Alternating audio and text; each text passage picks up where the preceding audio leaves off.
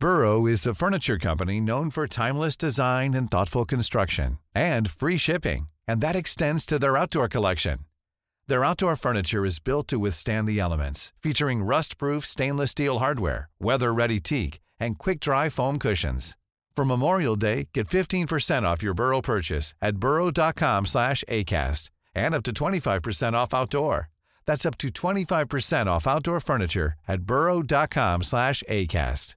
Mother's Day is around the corner. Find the perfect gift for the mom in your life with a stunning piece of jewelry from Blue Nile. From timeless pearls to dazzling gemstones, Blue Nile has something she'll adore. Need it fast? Most items can ship overnight. Plus, enjoy guaranteed free shipping and returns. Don't miss our special Mother's Day deals. Save big on the season's most beautiful trends. For a limited time, get up to 50% off by going to Blue BlueNile.com. That's Blue BlueNile.com. Everyone knows therapy is great for solving problems, but getting therapy has its own problems too, like finding the right therapist, fitting into their schedule, and of course, the cost. Well, BetterHelp can solve those problems. It's totally online and built around your schedule. It's surprisingly affordable too. Connect with a credentialed therapist by phone, video, or online chat, all from the comfort of your home. Visit betterhelp.com to learn more and save 10% on your first month. That's BetterHelp, H E L P. Kveldens foredrag. Tittelen ser dere bak meg. 'Kampen mot ekstremisme og terror'.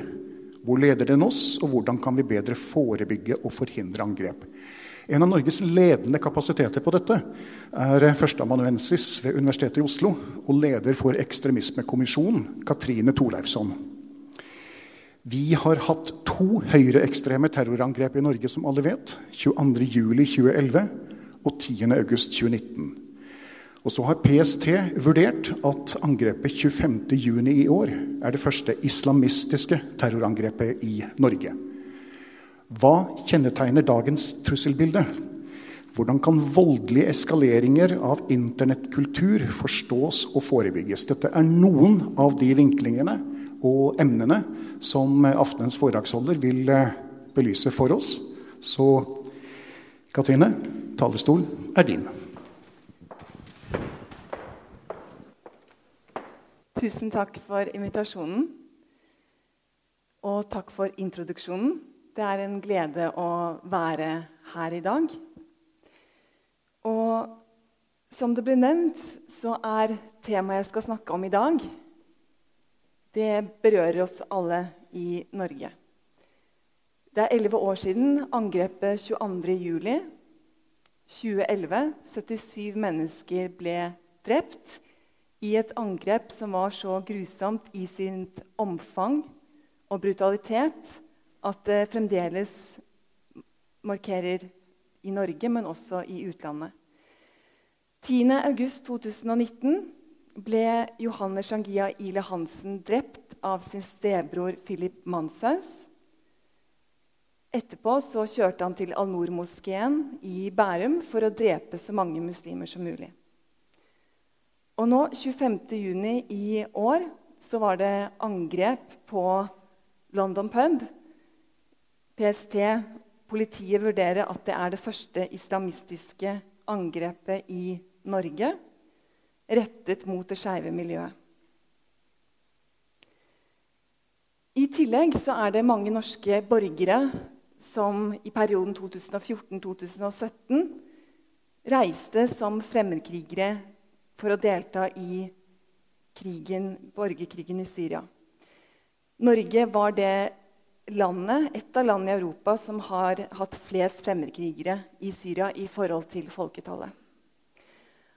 Og som Petter Nesser og Thomas Hegghammer ved Forsvarets forskningsinstitutt har påpekt, det er fremdeles mange angrep som blir avverget.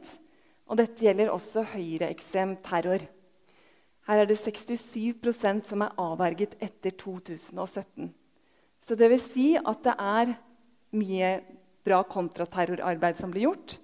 Men det vil si at det også er mange angrep som gjennomføres. I dagens eh, foredrag skal jeg beskrive noen utviklingstrekk. Og jeg er forsker ved Senter for ekstremismeforskning og har forsket lenge på det høyreekstreme. ekstreme. Så jeg kommer ikke til å ta for meg jihadistisk terror i dag. Jeg skal belyse hva som kjennetegner radikaliseringsprosesser og spesielt ekstremisme på nett. Og belyse hvilke tiltak som kan gjøres for å forebygge radikalisering mot voldelig ekstremisme og terror. Og dette, tenker jeg også, dette er i kjernen av Ekstremismekommisjonens mandat. Fordi regjeringen oppnevnte en kommisjon, 22. juli-kommisjonen, som så på beredskapet i Norge med kritisk blikk. Men det var ikke i 22. juli-kommisjonens mandat å se på de bakenforliggende årsakene til radikalisering eller å se på ideologi eller gjerningspersonen oppvekst, radikaliseringsprosess. Og det er det jeg har forsket på de siste ti årene, og spesielt de siste tre årene. Jeg har forsket på radikalisering i nettsamfunn. Vi vet at 22. Eh, juli-terroristen Anders Behring Breivik var en av de første som radikaliserte seg selv på nettet i en transatlantisk flyt av høyreekstreme ideer. Philip Manshaus 10.8 var også radikalisert på nett og inspirert av Christchurch-terroristen som 15.3.2019 angrep to moskeer på Christchurch, New Zealand, i det dødeligste angrepet der. Og nå snakker jeg til en, en, forsamling som har vokst opp uten smarttelefoner. Men hvis jeg ber noen rekke en hånd i været her, hvor mange har smarttelefoner? Ja, det er ganske digitaliserte. Men den generasjonen jeg snakker om her, det er en generasjon som er vokst opp på Internett. Vi kaller de digitalt innfødte. Så vi lever i en tid med ruvende teknologiske fram nye teknologi hele tiden, og de bruker mange plattformer. Jeg har studert de digitale livene til enslige soloterrorister. Eh, inkludert eh, åpne kilder og også eh, kilder som er mer lukket. Det vi ser er at De gjerne har sett på propagandavideoer på YouTube. De har fått vennskap på plattformer som Chan. De har brukt spillplattformer også for å få vennskap, men spillplattformer for å kringkaste terrorangrep i ekte tid. Det siste angrepet var nå 14. mai i Buffalo, New York. Så det vil si at du har unge hvite menn som sitter både i Tyskland, i USA, i New Zealand og i Norge i et globalt medforfatterskap av propaganda, av vennskap og av, i angrepsutførelse. De siste årene har vi sett en rekke voldelige eskaleringer av internettkultur. Internettkultur er jo like gammelt som Internett selv, men de plattformene jeg har studert, har vært rundt oss rundt i ca. 20 år. 4chan ble opprettet i 2003 som et rom for total ytringsfrihet. Her skulle alt være mulig. Men de siste årene har vi sett en radikalisering av innholdet på plattformen. Det har vært en dobling av nynazistisk retorikk og innhold. Og også bilder og såkalte memer, altså vitsetegninger. Og det har også vært en rekke voldelige eskaleringer fra disse rommene. Nå er det 58, 58 ulike rom, og jeg har studert ett rom som heter Politisk ukorrekt. Men det har også vært andre rom, f.eks. 4chan-K, som startet som et rom på Internett hvor man diskuterte våpen. Og Her ble det dannet vennskap på nett, og så kom man ut i gaten og dannet militsgrupperinger. Så vi sier i forskningsverdenen at man har gått fra gata til data. Et annet fenomen som angrep det amerikanske demokratiet, er QAnon-bevegelsen, som også har sitt opphav her.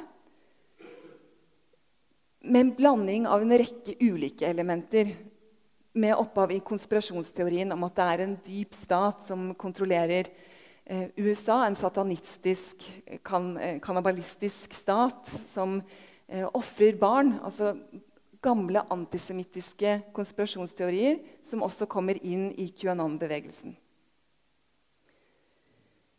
Så det vi ser i en hyperforbundet tidsalder, det er at mange av de som radikaliseres på nett, de har ikke truffet hverandre ansikt til ansikt.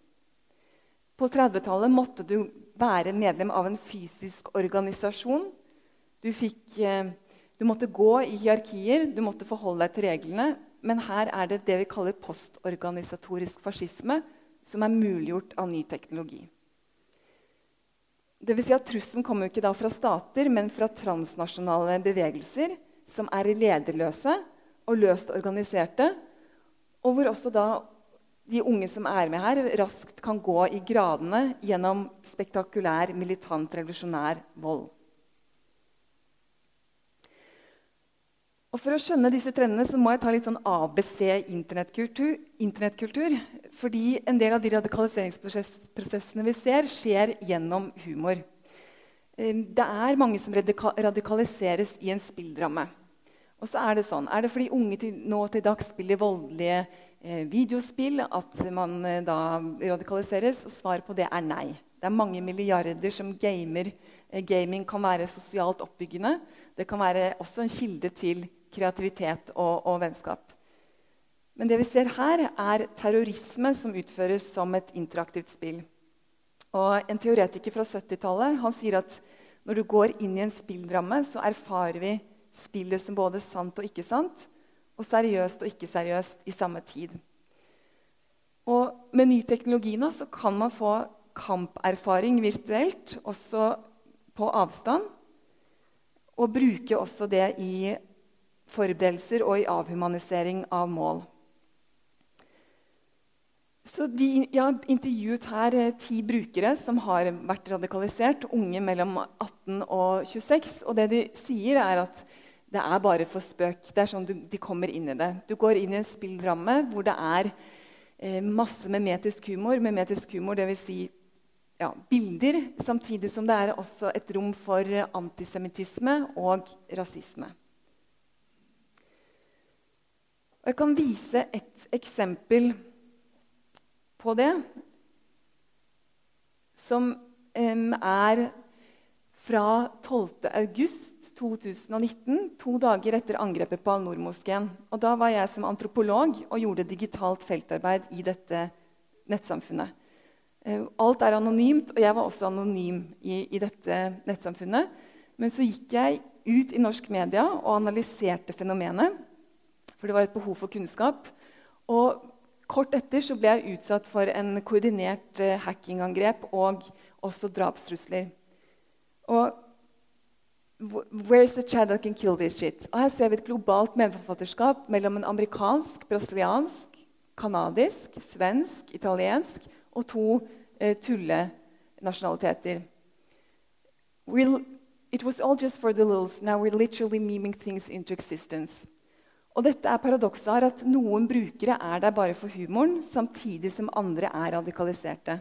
They don't understand the joke, or are they so dishonest that they're using it to push their agenda in criminalization and censorship? Igjen eh, at de skal bruke dette angrepet for å redusere vår ytringsfrihet. And where's the child that can kill his shit? Og så dokser de adressen, osv. For flere av de jeg har intervjuet, så er det jo nettopp gleden gjennom en slik praksis. og Du sitter og kontrollerer egne følelser, men du kan være i USA og påvirke mål i andre land. Psykologisk, emosjonelt, og også faktisk oppfordre andre til å drepe mål. Og kjernen i ideologien er en klassisk konspirasjonsteori om den store utskiftningen, 'the great replacements towards a new society'. Dette er tittelen på Christchurch-terroristen sitt manifest. I tillegg er det en rekke globaliserte kriser som skaper grobunn for en slik nettbasert bevegelse. Og Her lister terroristen selv noen av de. Eh, miljøbevegelse, rettigheter til arbeidere, law and order, ethnic autonomy, altså etnisk autonomi. Så, det, så kriser som migrasjon, økonomisk usikkerhet og mangel på framtidshåp blir listet i manifestet som et rasjonale for angrepet på moskeene. I manifestet så åpner terroristen med tre linjer. It's the birth rates, it's the birth rates, it's the birth rates. Så igjen kjernen om at hvit reproduksjon er truet.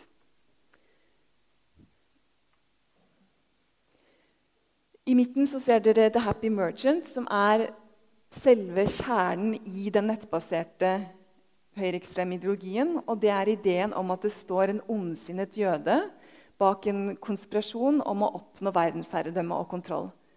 Og dette er også en veldig gammel konspirasjonsteori som har drevet vold og folkemord tidligere. Og akkurat slik som på 30-tallet så er dagens nettfascisme benytter seg også av humor i dehumanisering.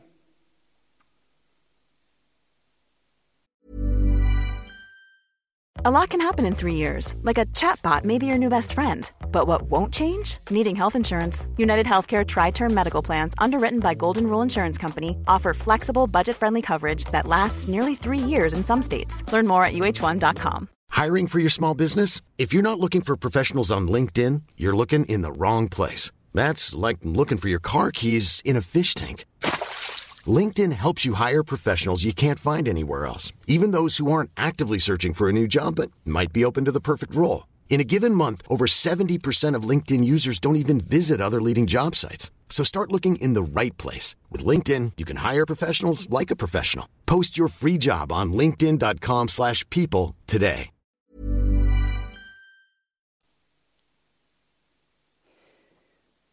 Og hvis det er diagnosen, så er prognosen at eh, man skal gå fra å være en rasekriger på tastaturet Du skal forlate datamaskinen og gå ut og være en rasekriger in real life.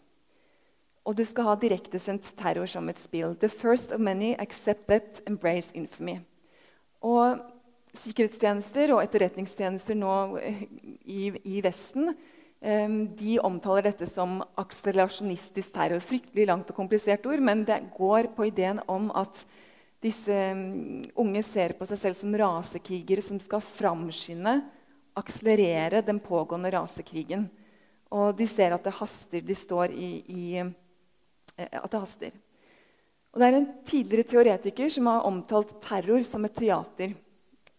Hvor terroristen kuraterer voldshendelsen for å få oppmerksomhet, for å spre frykt i befolkningen. Og vi vet at det har langvarige konsekvenser i forhold til tiltak og mottiltak Samtidig ser jeg nå en endring hvor jeg analyserer det, at terror er ikke lenger et teater hvor du kuraterer det for et passivt publikum. Terror er nå kuratert med små kamera på hjelmene, med elementer fra spillverden som de inkorporerer i selve terrorutførelsen, og med såkalte shitposting-elementer, et nok et uttrykk fra internettverden, som er skapt for å forvirre utenforstående, politi, etterretningstjeneste militær og inspirere innenforstående.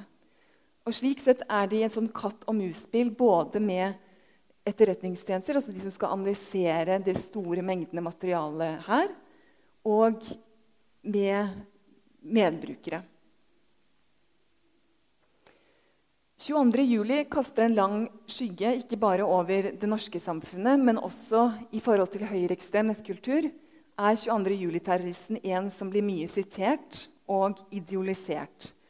Til høyre her så ser dere hvordan et meme igjen, en, en tegning av Anders Behring Breivik med detaljerte beskrivelser fra angrepet, blir satt sammen med detaljerte beskrivelser fra angrep i USA og Norge for å inspirere andre til handling.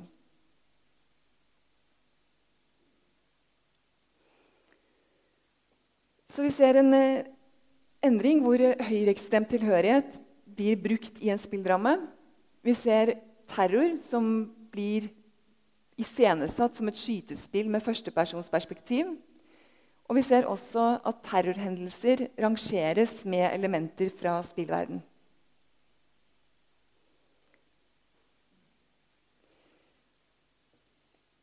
Alt det jeg snakker om nå, virker også lite i en tid hvor vi, det er krig i Europa. Hvor terror ikke bare kommer fra utenomstatlige aktører, men også fra stater. Men det er verdt å påpeke at en av disse grupperingene med et opphav fra 4chan de er nå på bakken i Ukraina som fremmedkrigere. Og de får kamperfaring, og de kommer til å dra tilbake til USA. Og det kan inspirere andre der til også voldelig handling. Og så har jeg diskutert fenomenet fremmedkrigere med en polsk kollega ved, ved Cerex. Han sa at fremmedkrigerne i Ukraina i 2014 de var mere, flere høyreekstreme fra Azov-bataljonen, men også blitt han kalte a mixed bunch. Eh, det han ser nå, er at han mener at fremmedkrigerne i Ukraina nå er 'concerned citizens of the world'.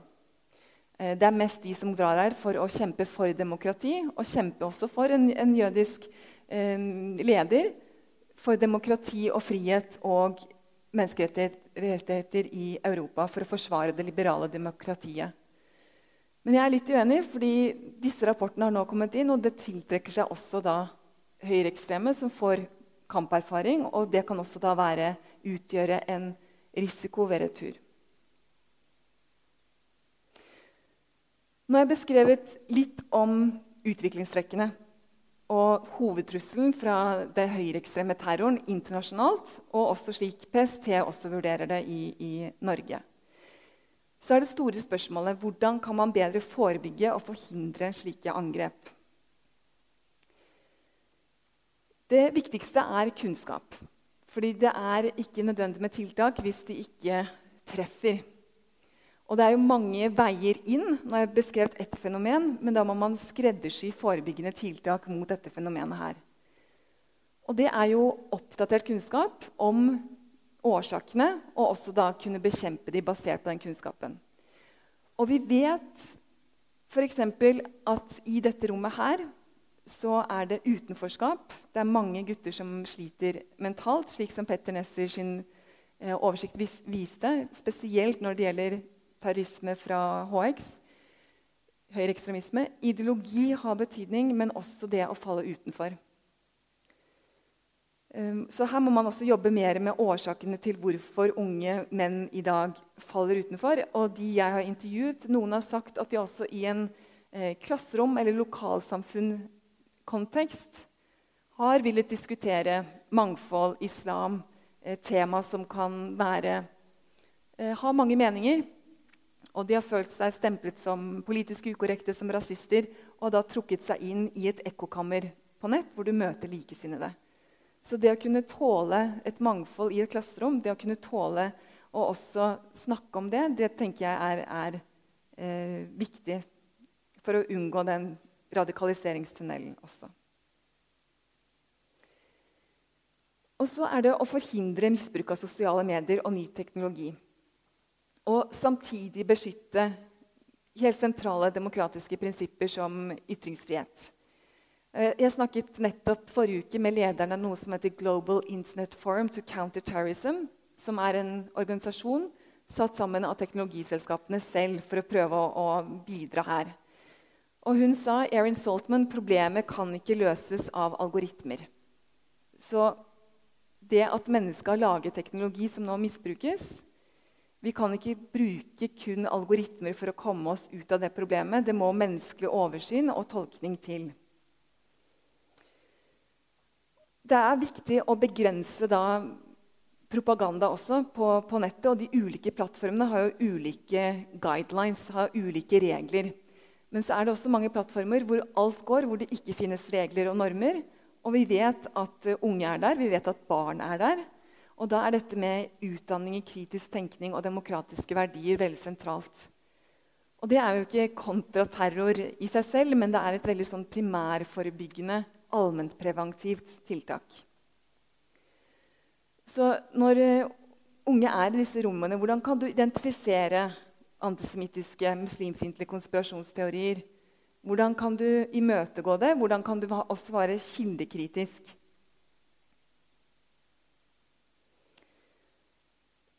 Og så er det også viktig at tiltakene står i forhold til den trusselen radikalisering er. Og Kritisk tenkning og demokratiske verdier skjer jo mye i klasserommet. Men det er jo ikke slik at lærerne heller må nødvendigvis sikkerhetisere elevene. at de hele tiden må ta på seg roller som de ikke nødvendigvis skal ha. Og så forhindre terrorhandlinger. Det viktigste er jo å også unngå heroisk status for høyreekstreme og terrorister. For hvis målet er å skape et teater, hvis målet er å lage et spill, så må man bryte det Og det, der har media og der har også myndighetspersoner, politikere, et stort ansvar i hvordan man framstiller og omtaler det. Terroristenes mål i dette miljøet er å få lengst mulig nyhetsverdi. Det er å få propagandapakken sin reprodusert og spredt til flest mulig. Samtidig har man et, selvfølgelig et opplysningsplikt, men det er mulig å ha etiske retningslinjer for media. Um, jeg var ute og advarte da 22. juli-terroristen Anders Behring Breivik hadde nå eh, sin rettssak tidligere i år om å ikke direktesende den. Det var mange medier som tok det rådet, men det var et par redaksjoner som direktesendte den med ti sekunders forsinkelse. Og det som skjedde da, i løpet av det kunne jeg forutsett, i løpet av noen få sekunder så ble den talen og de symbolene han brukte, kopiert og raskt sirkulert i disse rommene. Og Han fikk en sjanse til å vise omverdenen at han er oppdatert på den nye generasjonens subkultur og trollekultur. Eh, han holdt White Power-symbolet, White Genocide. Eh, I det hele tatt fikk, fikk bruke sin agens til å tilskrive seg en ny generasjon høyreekstreme. Oppdage lekkasje på voldelig radikalisering. Ellen Ile Hansen stemoren til Philip Mansøs og moren til Johanne Sjangie Ile Hansen, hun har også nå deltatt en del i offentligheten. Og selv sagt at hun skulle ønske hun visste mer om tegnet på radikalisering og hvor hun skulle henvende seg. Det er mange fortvilte foreldre. Noen foreldre som ser barnet sitt radikaliseres. Noen tenker at det er kun en fase. Og For mange er det jo en fase. Du er i en søkende alder. Og det kan være noe du går inn og ut av, spesielt hvis du er ung. Men, men gjøre omsorgspersoner og de som jobber i førstelinjetjenesten, i stand til å identifisere tegn på radikalisering og vite hva de skal gjøre.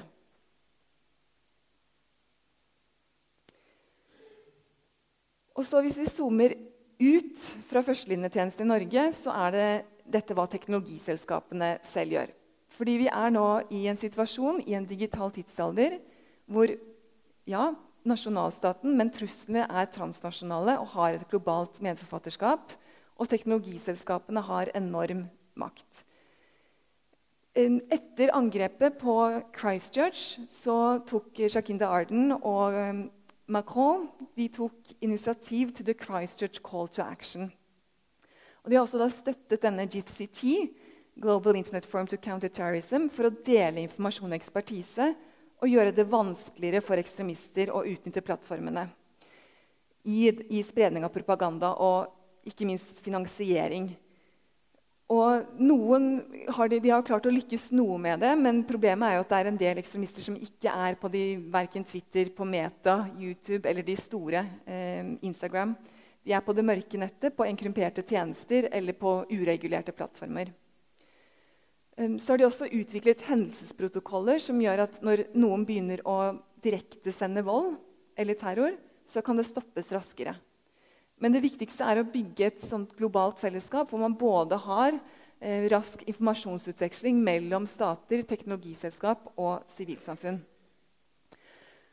Og så kan vi se på denne plansjen her fra Take Against Terrorism.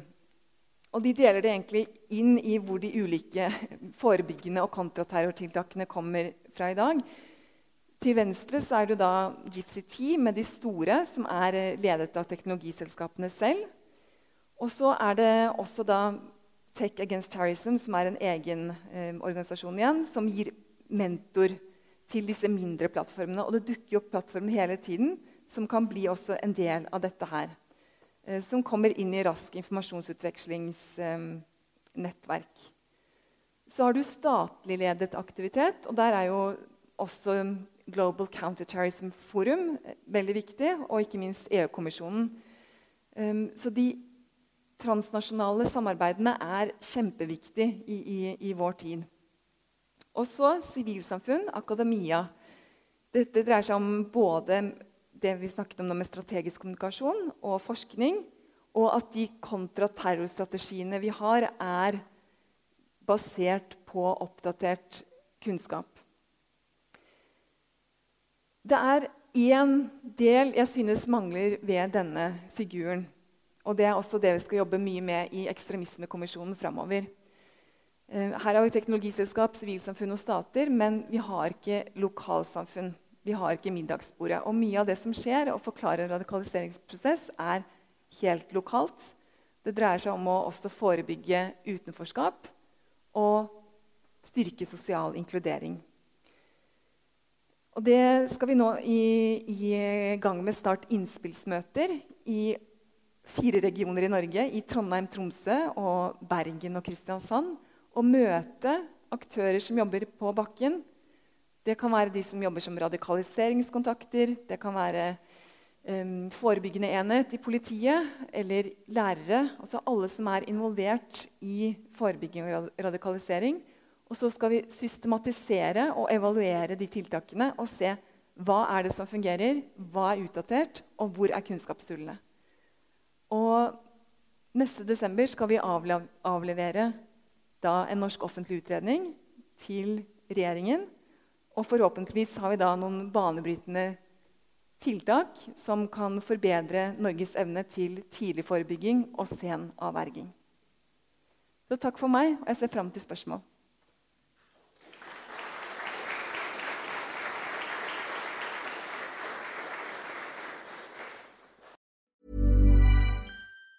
Even on a budget, quality is non-negotiable. That's why Quince is the place to score high-end essentials at 50 to 80% less than similar brands. Get your hands on buttery soft cashmere sweaters from just 60 bucks, Italian leather jackets, and so much more.